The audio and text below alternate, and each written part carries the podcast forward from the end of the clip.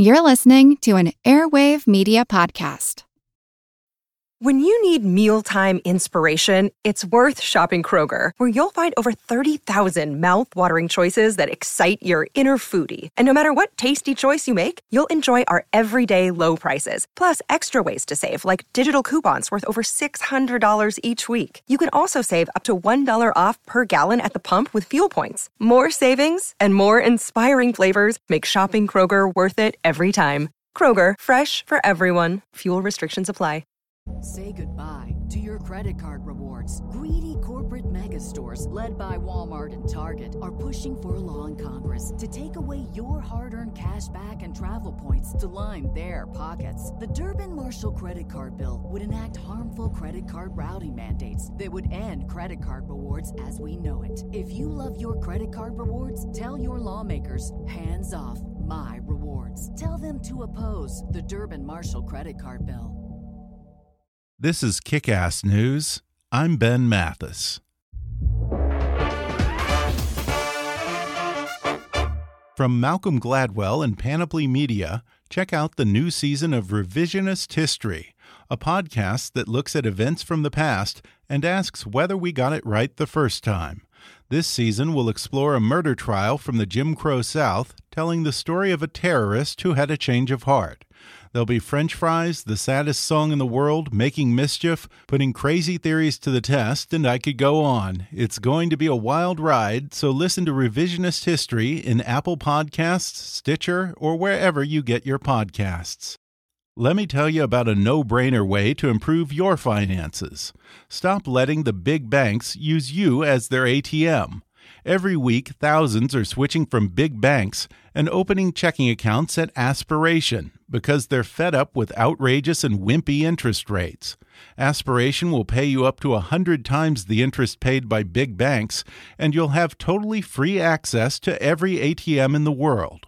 And Aspiration is a financial firm with a conscience. They give a full 10% of their earnings to charity and let you see your own sustainability score on your purchases. Check it out at aspiration.com slash kickass. And now, enjoy the podcast. Hi, I'm Ben Mathis, and welcome to Kick-Ass News. You might know men like George Washington, Thomas Jefferson, and John Adams as the nation's founding fathers. But do you know who Mum Bet was?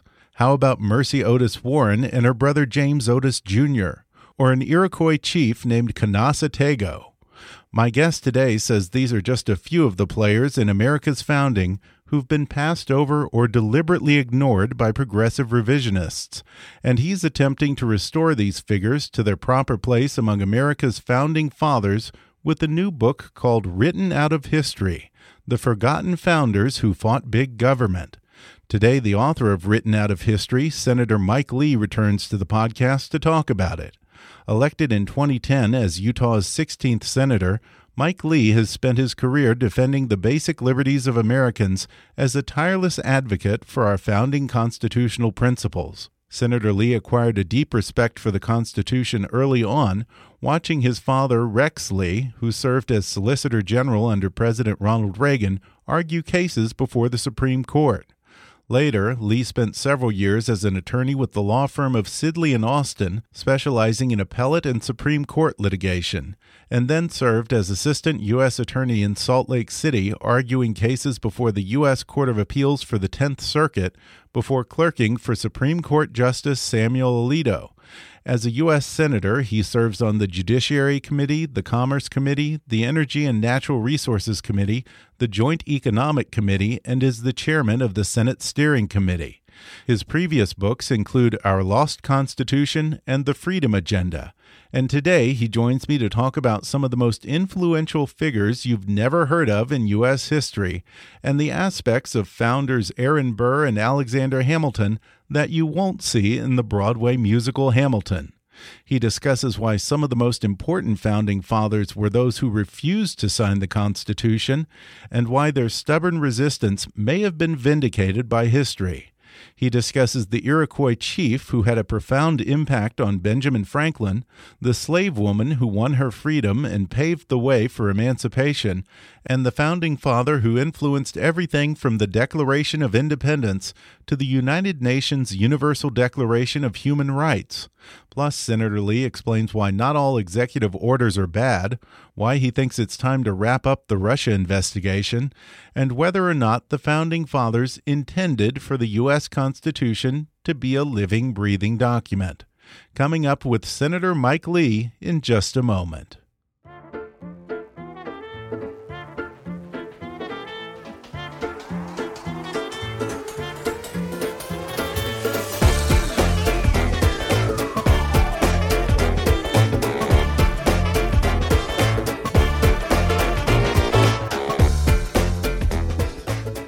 Senator Mike Lee of Utah is a tireless advocate for constitutionally limited government, a former federal prosecutor and appellate litigator who previously worked as a law clerk to Supreme Court Justice Samuel Alito. He serves in the Senate on the Judiciary Committee, the Commerce Committee, the Energy and Natural Resources Committee, the Joint Economic Committee, and is the chairman of the Senate Steering Committee. His previous books include Our Lost Constitution and The Freedom Agenda, and today he returns to the show to talk about his latest book titled Written Out of History The Forgotten Founders Who Fought Big Government. Senator Lee, welcome back to the podcast. Thank you very much, Ben. It's good to be with you. Well, Written Out of History is a tribute to a handful of unsung heroes who made crucial contributions to our republic. They include women, slaves, even an Iroquois chief, among others. How is it that so many of these figures have been lost to history, Senator Lee? You know, in many ways, it's really no coincidence. Their stories are inconsistent with what many of us have been taught, and they're also inconvenient for those who would have us believe that government is the right solution for just about everything and that every government solution should be handled at the federal level. Are you saying then that many of these people were deliberately written out of history? Yes, yes. In some cases, it might have occurred through benign neglect, but in many others, if not most, it, it, it occurred as a result of the fact that these are people who took a stand, but it's a stand that has not been viewed favorably in recent decades uh, as the progressive movement has convinced many people that we ought to just centralize government power in America. It's almost been accepted as a sort of gospel truth. And that's part of what I'm trying to unwind with this book is to uh, tell the story of uh, eight, eight early Americans whose stories have been neglected, forgotten, or as I put it, written out of history, but whose stories have something to tell us about freedom, about liberty, what it means to be an American. Yeah, and I like that you're redefining the founding fathers a little bit more broadly. You know, when we decide that only this exclusive club of men who attended either the Constitutional Convention or signed the Declaration are the only people who get to qualify as founding fathers, you know, isn't it a little bit like saying no American can affect change or do something important unless they're a member of Congress? You know, no offense, Senator, of course. yeah, no, not, none of no offense taken. Yeah, it's it's a lot like that. People assume that uh, because certain people didn't attend the Constitutional Convention that couldn't possibly have had a significant effect on history, and that simply is not true. Uh, there were a lot of people who weren't there at the convention and who don't fit the uh, traditional profile of what we think of as founding fathers. Uh, some of them, first of all, were founding mothers, and, and, and there were minorities in this group, and I think their stories need to be told too. You open by taking on the wildly popular Broadway musical Hamilton, no less. You seem to like that it gets people interested in American history and the founding fathers, but you have an issue with the show's portrayal of Alexander Hamilton and Federalists as advocates of big government. Set the record straight for us. What does the play get wrong about them? Look, it's not so much that I have a problem with the play. I actually love the musical score. I, I haven't uh, been able to go to the play yet. Uh, those tickets are still too expensive for for uh, uh for me, but I, I, I really like the musical score. What I take issue with is that some people have adopted, in part because of the play's popularity. Uh, Alexander Hamilton is, is sort of a mascot for the progressive movement in America. And I don't think that's fair. I call this the Hamilton effect. Sometimes people will pick people out of history to use to sort of reflect back their own political worldview. It is not fair, it's not accurate to portray Hamilton as a late 18th century progressive. It just doesn't work that way. Hamilton, as I explain in the book, himself argued aggressively that the power given to the federal government under the Constitution was necessarily limited, that it would uh, certainly be dwarfed in comparison to the power held by the states. And so, for that reason alone, it's unfair to call Alexander Hamilton uh, a, a, champion of the leftist cause. It, it's just not right. And of course, the antagonist of the musical Hamilton is former Vice President Aaron Burr, who famously shot and killed Alexander Hamilton. But you say that Burr was a lot more complex than the villain that he's been reduced to in popular lore. You seem to, I think, even indicate that he could even be seen as something of a political martyr or a victim. As I explain in the book, uh, there's a whole lot more to Aaron Burr than meets the eye. I devoted an entire chapter, chapter one of my book, to him. And what I explain in there is that he uh, was someone who was actually a champion of the accused when he was vice president of the United States and therefore president of the Senate. He presided over several impeachment trials. He stood up for the rights of those who were accused and were being subjected to the impeachment and reno- removal process. In part because of that, he became uh, an enemy of Thomas Jefferson. And Jefferson, during his second term of office, when Aaron Burr was no longer his vice president, actually went so far as to have Aaron Burr prosecuted for treason, then a, a capital offense. And uh, fortunately, Aaron Burr was able to win his freedom and was able to save his life, given that he would have been executed had he been found guilty.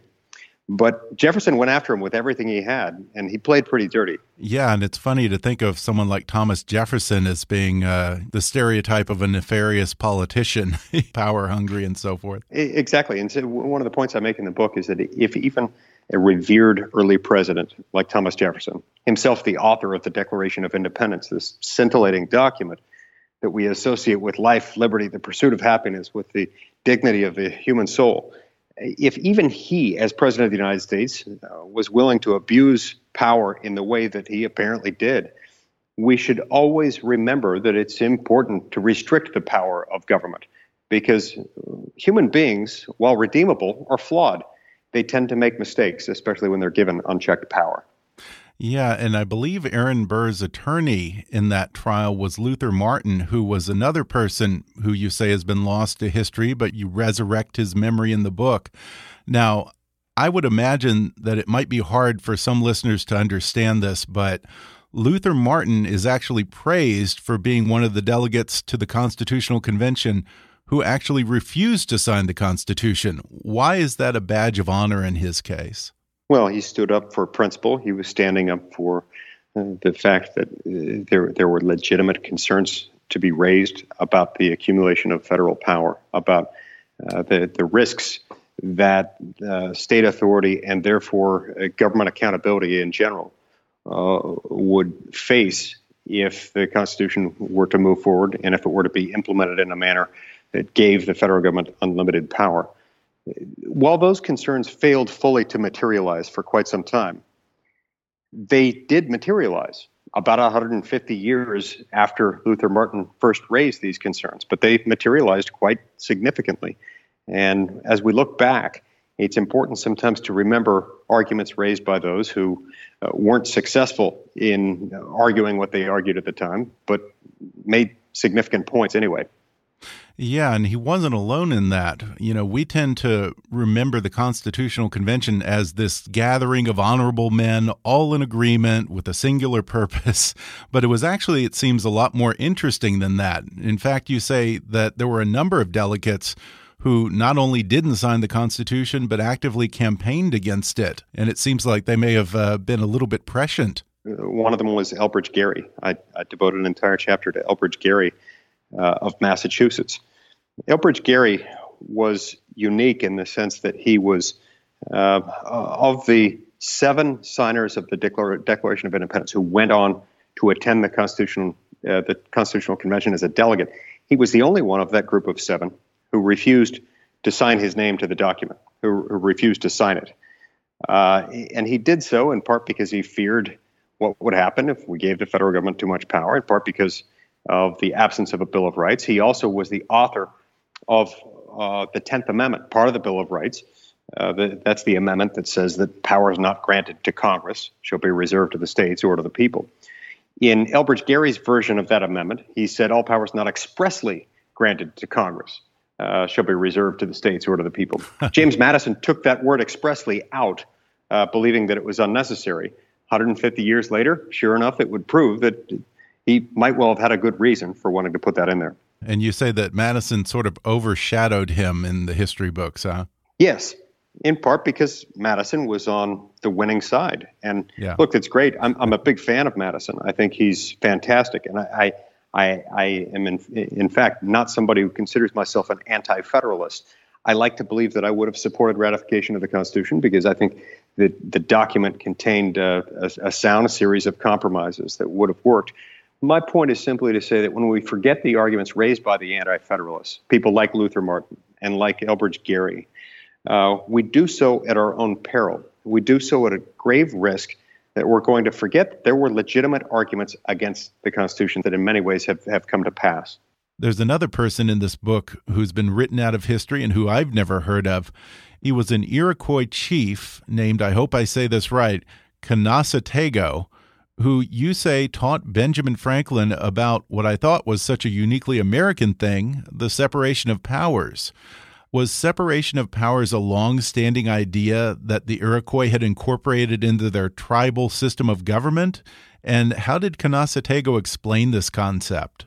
What I sometimes refer to as, as vertical separation of powers. I mean, the horizontal separation of powers refers to the three branches of the government. The, the vertical uh, separation of powers refers to the relationship between the federal government on the one hand and the states and local governments on the other hand.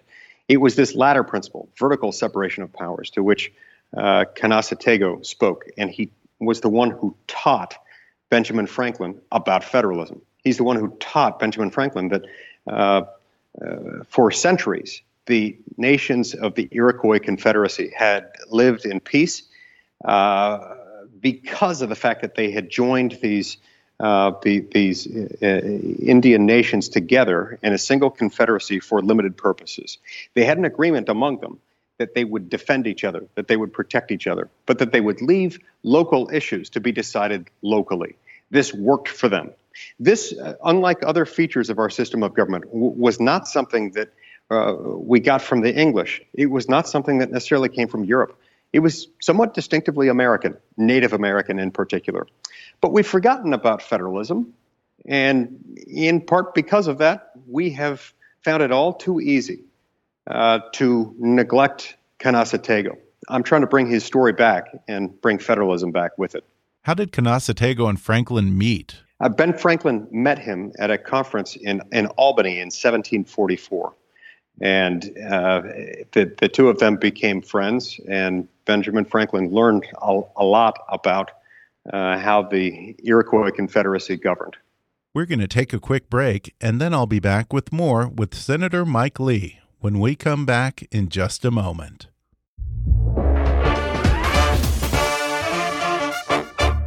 Are you a small business that feels overwhelmed because you're managing too much? Free yourself from administrative tasks and focus on your business goals with Belay Virtual Assistant.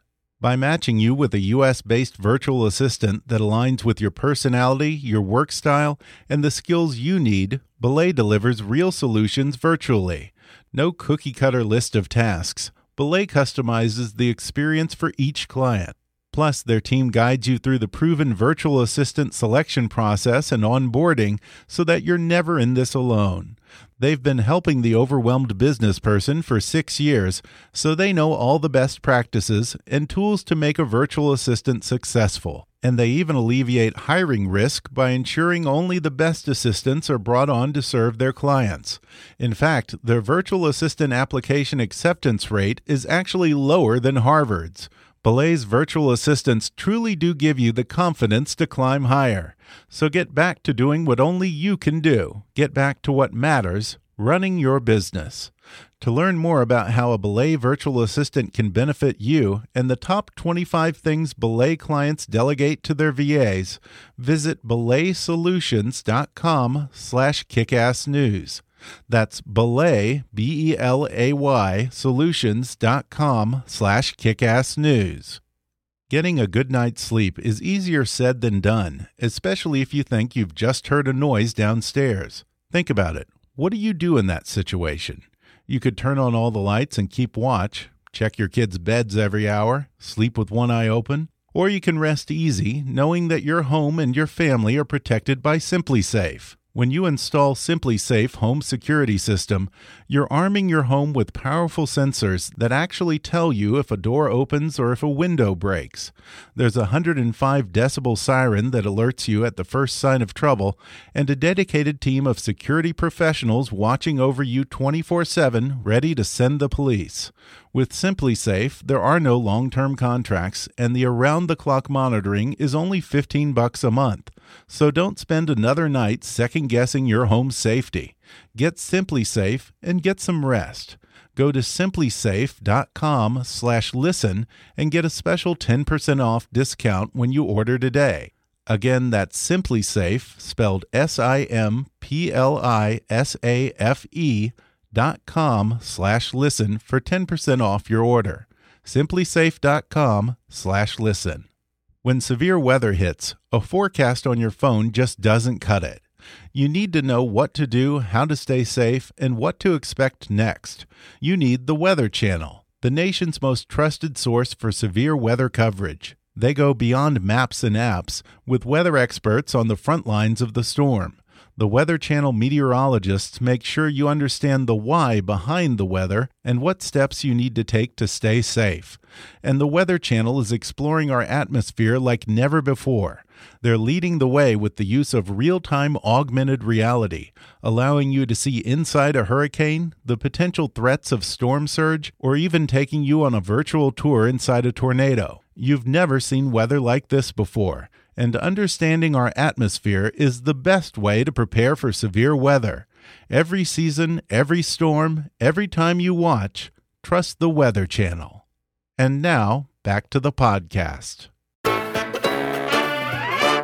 There was a woman who's been marginalized in history named Mercy Otis Warren but it sounds like for a woman, she actually had quite a bit of influence in the early United States. She was publishing political essays and apparently corresponding with founding fathers, right? She was. She was a friend and protege of John Adams. She was very close to both John and Abigail Adams.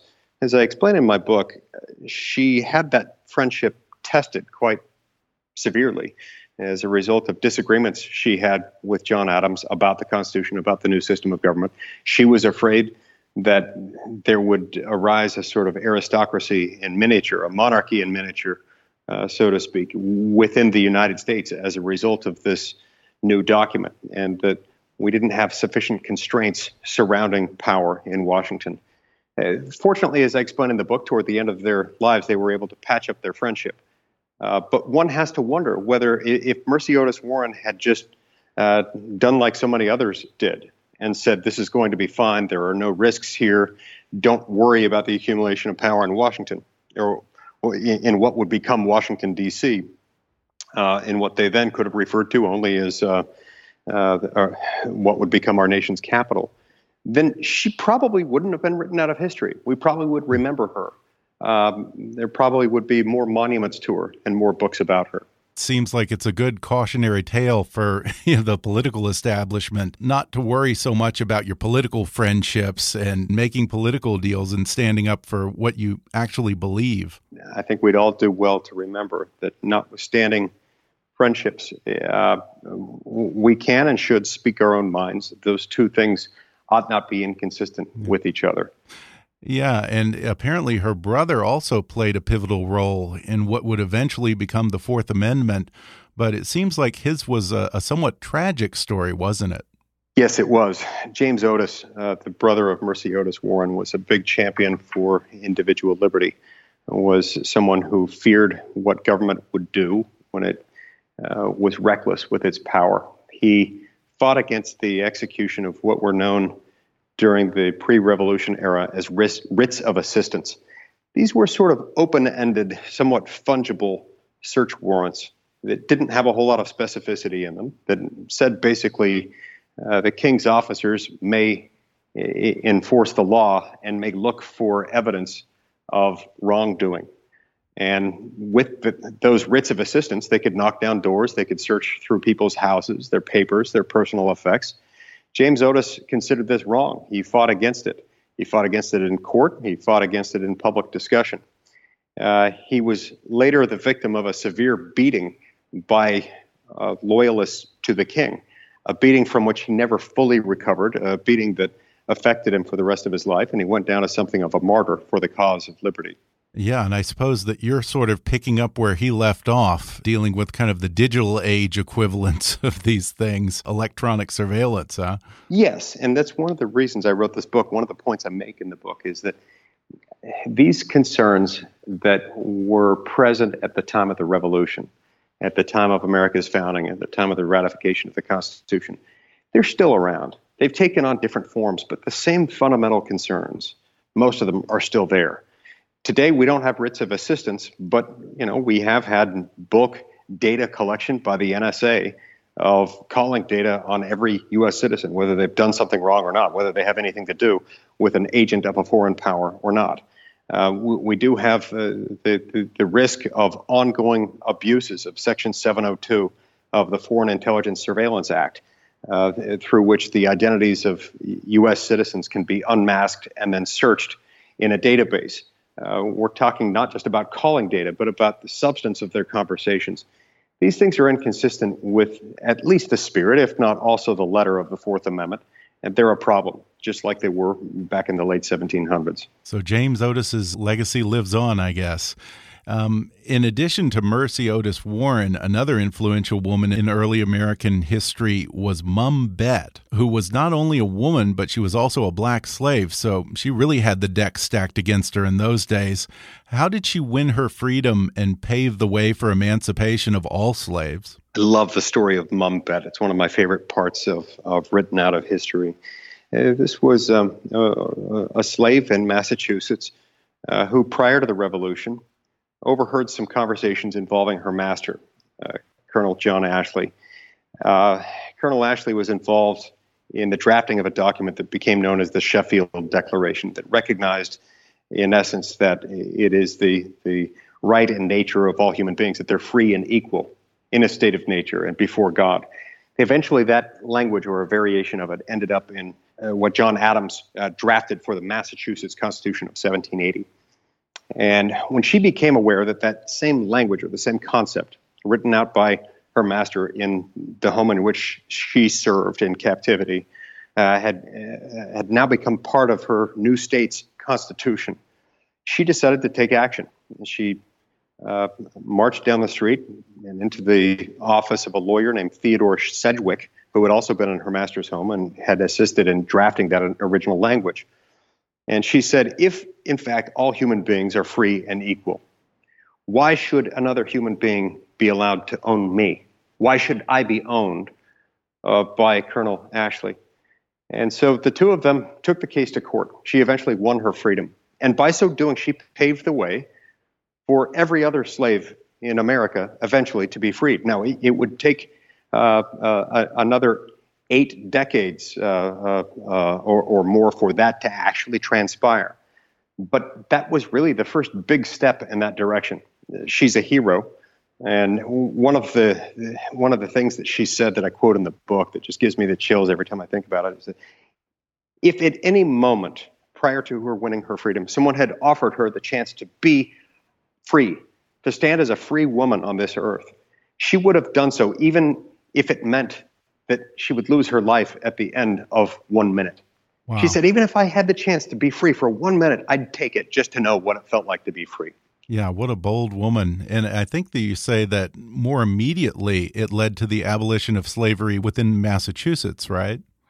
Yes, yes. So that's, you know, we think of the the northern states as the uh, uh, states that were that did not allow slaves and, and the southern states as slave states. Well, that wasn't always true. There were slaves in the northern states. It's just that uh, the, the, the, northern states, one by one, got rid of slavery. Mm-hmm. And that came about in part as a result of the heroic actions of people like Mum Bet. Well, aside from Aaron Burr, probably the other name that some listeners might know in this book is George Mason. There's, of course, George Mason University in Virginia, and he hasn't entirely been overlooked in the history books, but nonetheless, he's not up there in the pantheon of famous founding fathers like Washington, Adams, and Jefferson. Yet you say his fingerprints are all over the Declaration, they're all over the Bill of Rights, and even the UN's Universal Declaration of Human Rights. How has he had such a wide and far reaching influence? Well, it's part of what happens when uh, someone like George Mason, Mason, comes to the table with sheer brilliance and uh, raw determination to protect the cause of freedom and to respect the dignity of the individual human soul. George Mason was a reluctant statesman. He never really wanted to be in politics. He, he did so uh, in spite of uh, his disdain for the political process. And he did so because he wanted to be free. Uh, and so, this deep passion combined with his raw native political talent uh, made him very influential. And even though we don't remember him as much as uh, we remember some of the other founding fathers, in part because of his initial opposition to the Constitution. Uh, his fingerprints can be seen everywhere. Well, in the last chapter, you talk about how appalled men like Luther Martin would be at the Obama administration's use of executive orders to circumvent the legislative branch. But now here we are, we have a Republican president, Donald Trump, who's shooting off executive orders even faster than Obama. I mean, Washington, Adams, Jefferson, and Madison collectively signed, I think, only a dozen executive orders when they were president. Yet we're four months into this, and President Trump has already signed 37 executive orders. Let me ask you if a Republican president doesn't break the cycle and set the example, how are we ever going to put a rein on these executive power grabs? As I insisted consistently throughout the Obama administration, not all executive orders are bad. Not all executive okay. orders are alike. There are some executive orders that a president is certainly empowered to issue. Anytime the president is authorized to act, either by a provision of the Constitution itself or uh, legitimately uh, pursuant to a statute, has authority. Uh, he can do that. We know, for instance, the president is the commander in chief of the armed forces. He certainly mm-hmm. has the authority, authority as commander in chief to order troop movements, to uh, decide what time the uh, taps and, and reveille are played uh, within the military, uh, and, and, and, and otherwise exercise his constitutional powers. What we worry about with executive orders is not necessarily just with their sheer number, uh, because this was a, a, defense frequently raised within the Obama administration. People were fond of saying if they wanted to defend him, well, there were Republican presidents who had issued more executive orders than he did. True. That really isn't the point. The, the point is whether or to what extent there is authority to do what the president's doing, and whether the president is trying to undo something legitimately done by Congress that the president couldn't do through the legislative process. That's where the concern really lies. And so that's what I'm always on the lookout for. As to the comparison to the early presidents, it's understandable why there were fewer executive orders issued at the time. The government was much smaller. Mm-hmm. The government was much narrower. The country was itself smaller, and the federal government, for the first 150 years of our republic under the Constitution, uh, was more restrained. It was more respectful of state and local power. And so uh, the use of executive orders has increased abruptly as we've drifted away from federalism. Um, uh, and that's why I make the point that our drift from federalism uh, facilitates our drift away from separation of powers and vice versa. That's why we've got to restore both of these principles uh, together simultaneously. And we can't do that unless we know the stories behind their reason for existence. Yeah, and this idea of an extremely powerful executive branch is actually a relatively recent phenomenon in our overall history, right? Yes. Uh, look, um, prior to the New Deal era, uh, prior really to the second term of the FDR administration, when the New Deal really got its momentum going, and when the Supreme Court started facilitating uh, what FDR wanted to do prior to that time, Congress and the, the federal government in general were pretty respectful of state authority. Prior to the New Deal, during peacetime, you never saw the federal government spending more in a particular year than the combined expenditures of the states. Since the New Deal, that has been the norm. That has basically always been the case now for many decades. So there was a big shift about 80 years ago, and that shift has been a departure from the constitutional norm, from the constitutional text, and from the history. Well, it's no secret that you were hardly a cheerleader for Donald Trump during the GOP primary. Um, I wonder, are you starting to come around? What do you see as his hits and misses so far? Well, look, I, have been pleasantly surprised, or uh, uh, pleased, I should say, with um, a lot of things I've seen out of this presidency. Uh, you, are right. I was a skeptic. I was um, a, a latecomer uh, to that party, uh, about as late as you can get. And yet, I, have been very encouraged by so much of what I've seen. I'm, I'm thrilled, for example, that Neil Gorsuch is on the Supreme Court. I was very pleased when, during President Trump's inauguration, in his inaugural speech, he said, "This this moment we're celebrating right now uh, represents much more than just a uh, an end of one administration and a beginning of another. It's about much more than a transfer of power from one political party to another. Mm-hmm. This is about a transfer of power from Washington D.C. back to the the American people where the power belongs. That was really rousing. That was a constitutional moment, and his actions so far have, for the most part, reflected that. As an advocate of small government, does it bother you at all that he's pushing a massive federal infrastructure giveaway that no one seems to be asking for? Yes. I, I, I, so far, from what I can tell, I'm, I'm not a fan of what he's described. I'm at least a skeptic of it because I have yet to see how he could push a trillion dollar infrastructure bill without significantly expanding the, uh, the, the, role of the federal government. Uh, infrastructure, by and large, should not be made federal, at least in the absence of an interstate corridor. It's fine if we want to do that with interstate highways. Uh, or, or, with respect to something that's part of an interstate system like our air travel system. It's quite another thing when we're talking about surface streets, uh, bike paths, things that start and end in the same state. Well, Senator Lee, I'd be remiss if we hung up without talking about the Russia investigation. After James Comey's testimony before the Senate committee, you said that you see no evidence of collusion between the Trump campaign and the Russians, and it's time to wrap things up, to use your words. The story of this investigation seems to be ever evolving, and there's new information it seems coming out every day. Do you still feel that there's no evidence or reasonable suspicion that something between the Russians and the campaign wasn't above board? I have seen no evidence okay. Uh, of, of, of, any collusion. Uh, and to my knowledge, there's not a single person, uh, not a single Democrat, not a single Republican uh, not even from uh, members of the Senate who are members of the Intelligence Committee who have access to a whole lot of information than I do. Not a single scintilla of evidence has been produced to suggest that. Well, as a lawyer, I'm sure that you're not someone who throws around terms like evidence and collusion and impeachment lightly.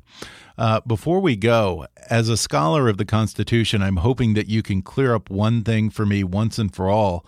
Is there anything in the Constitution or in the writings of any of the founding fathers that would indicate that they intended for the Constitution to be a quote unquote living, breathing document or any words along those lines?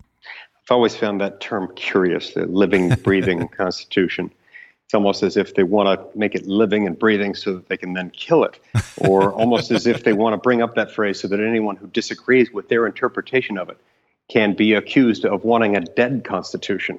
Uh, if what they mean, and usually those who use that term uh, are, are, using it in a context in which it's uh, uh, quickly made clear that what they want is a constitution that can be bended and molded and crafted uh, not by the people themselves or their elected representatives in, in the Constitution's application, but rather that it can be crafted and molded and distorted and changed by jurists, by men and women wearing black robes on the U.S. Supreme Court, so that they can just say, well, we don't like this provision anymore.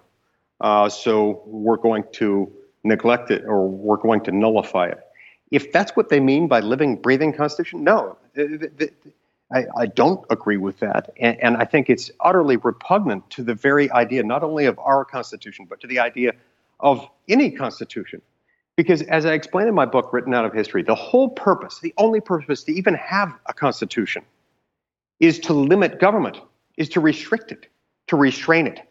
And when you nullify provisions that are there to restrict and restrain government, you are jeopardizing individual liberty and thereby threatening the fundamental uh, dignity of the human soul. That's what this fight is about. And that's why I maintain this fight for a constitutionally limited government is neither Democratic nor Republican. It's neither liberal nor conservative. This is simply an American idea.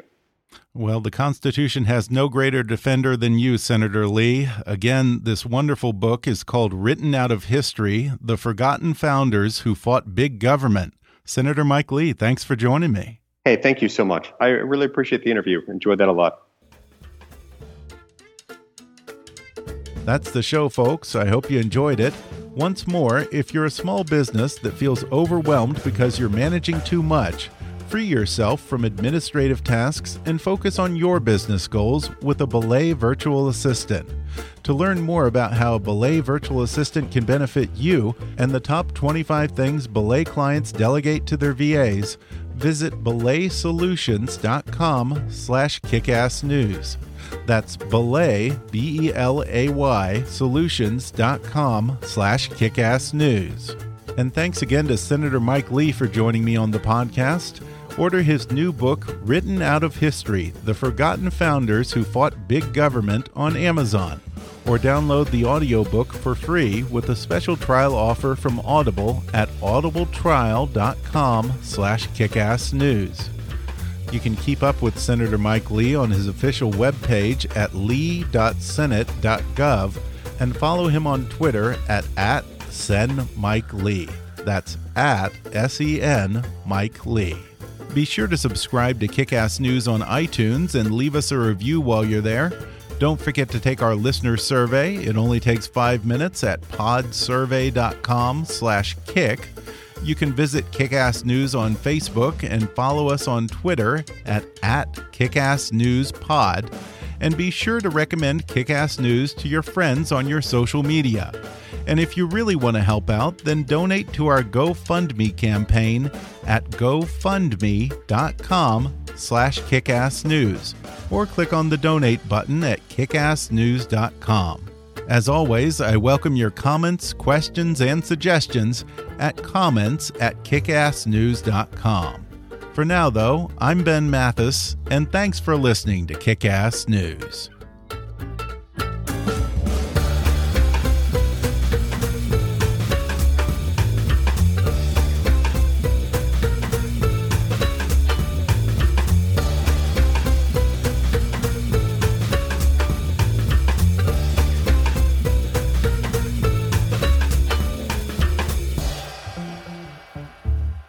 Ass News is a trademark of Mathis Entertainment, Inc.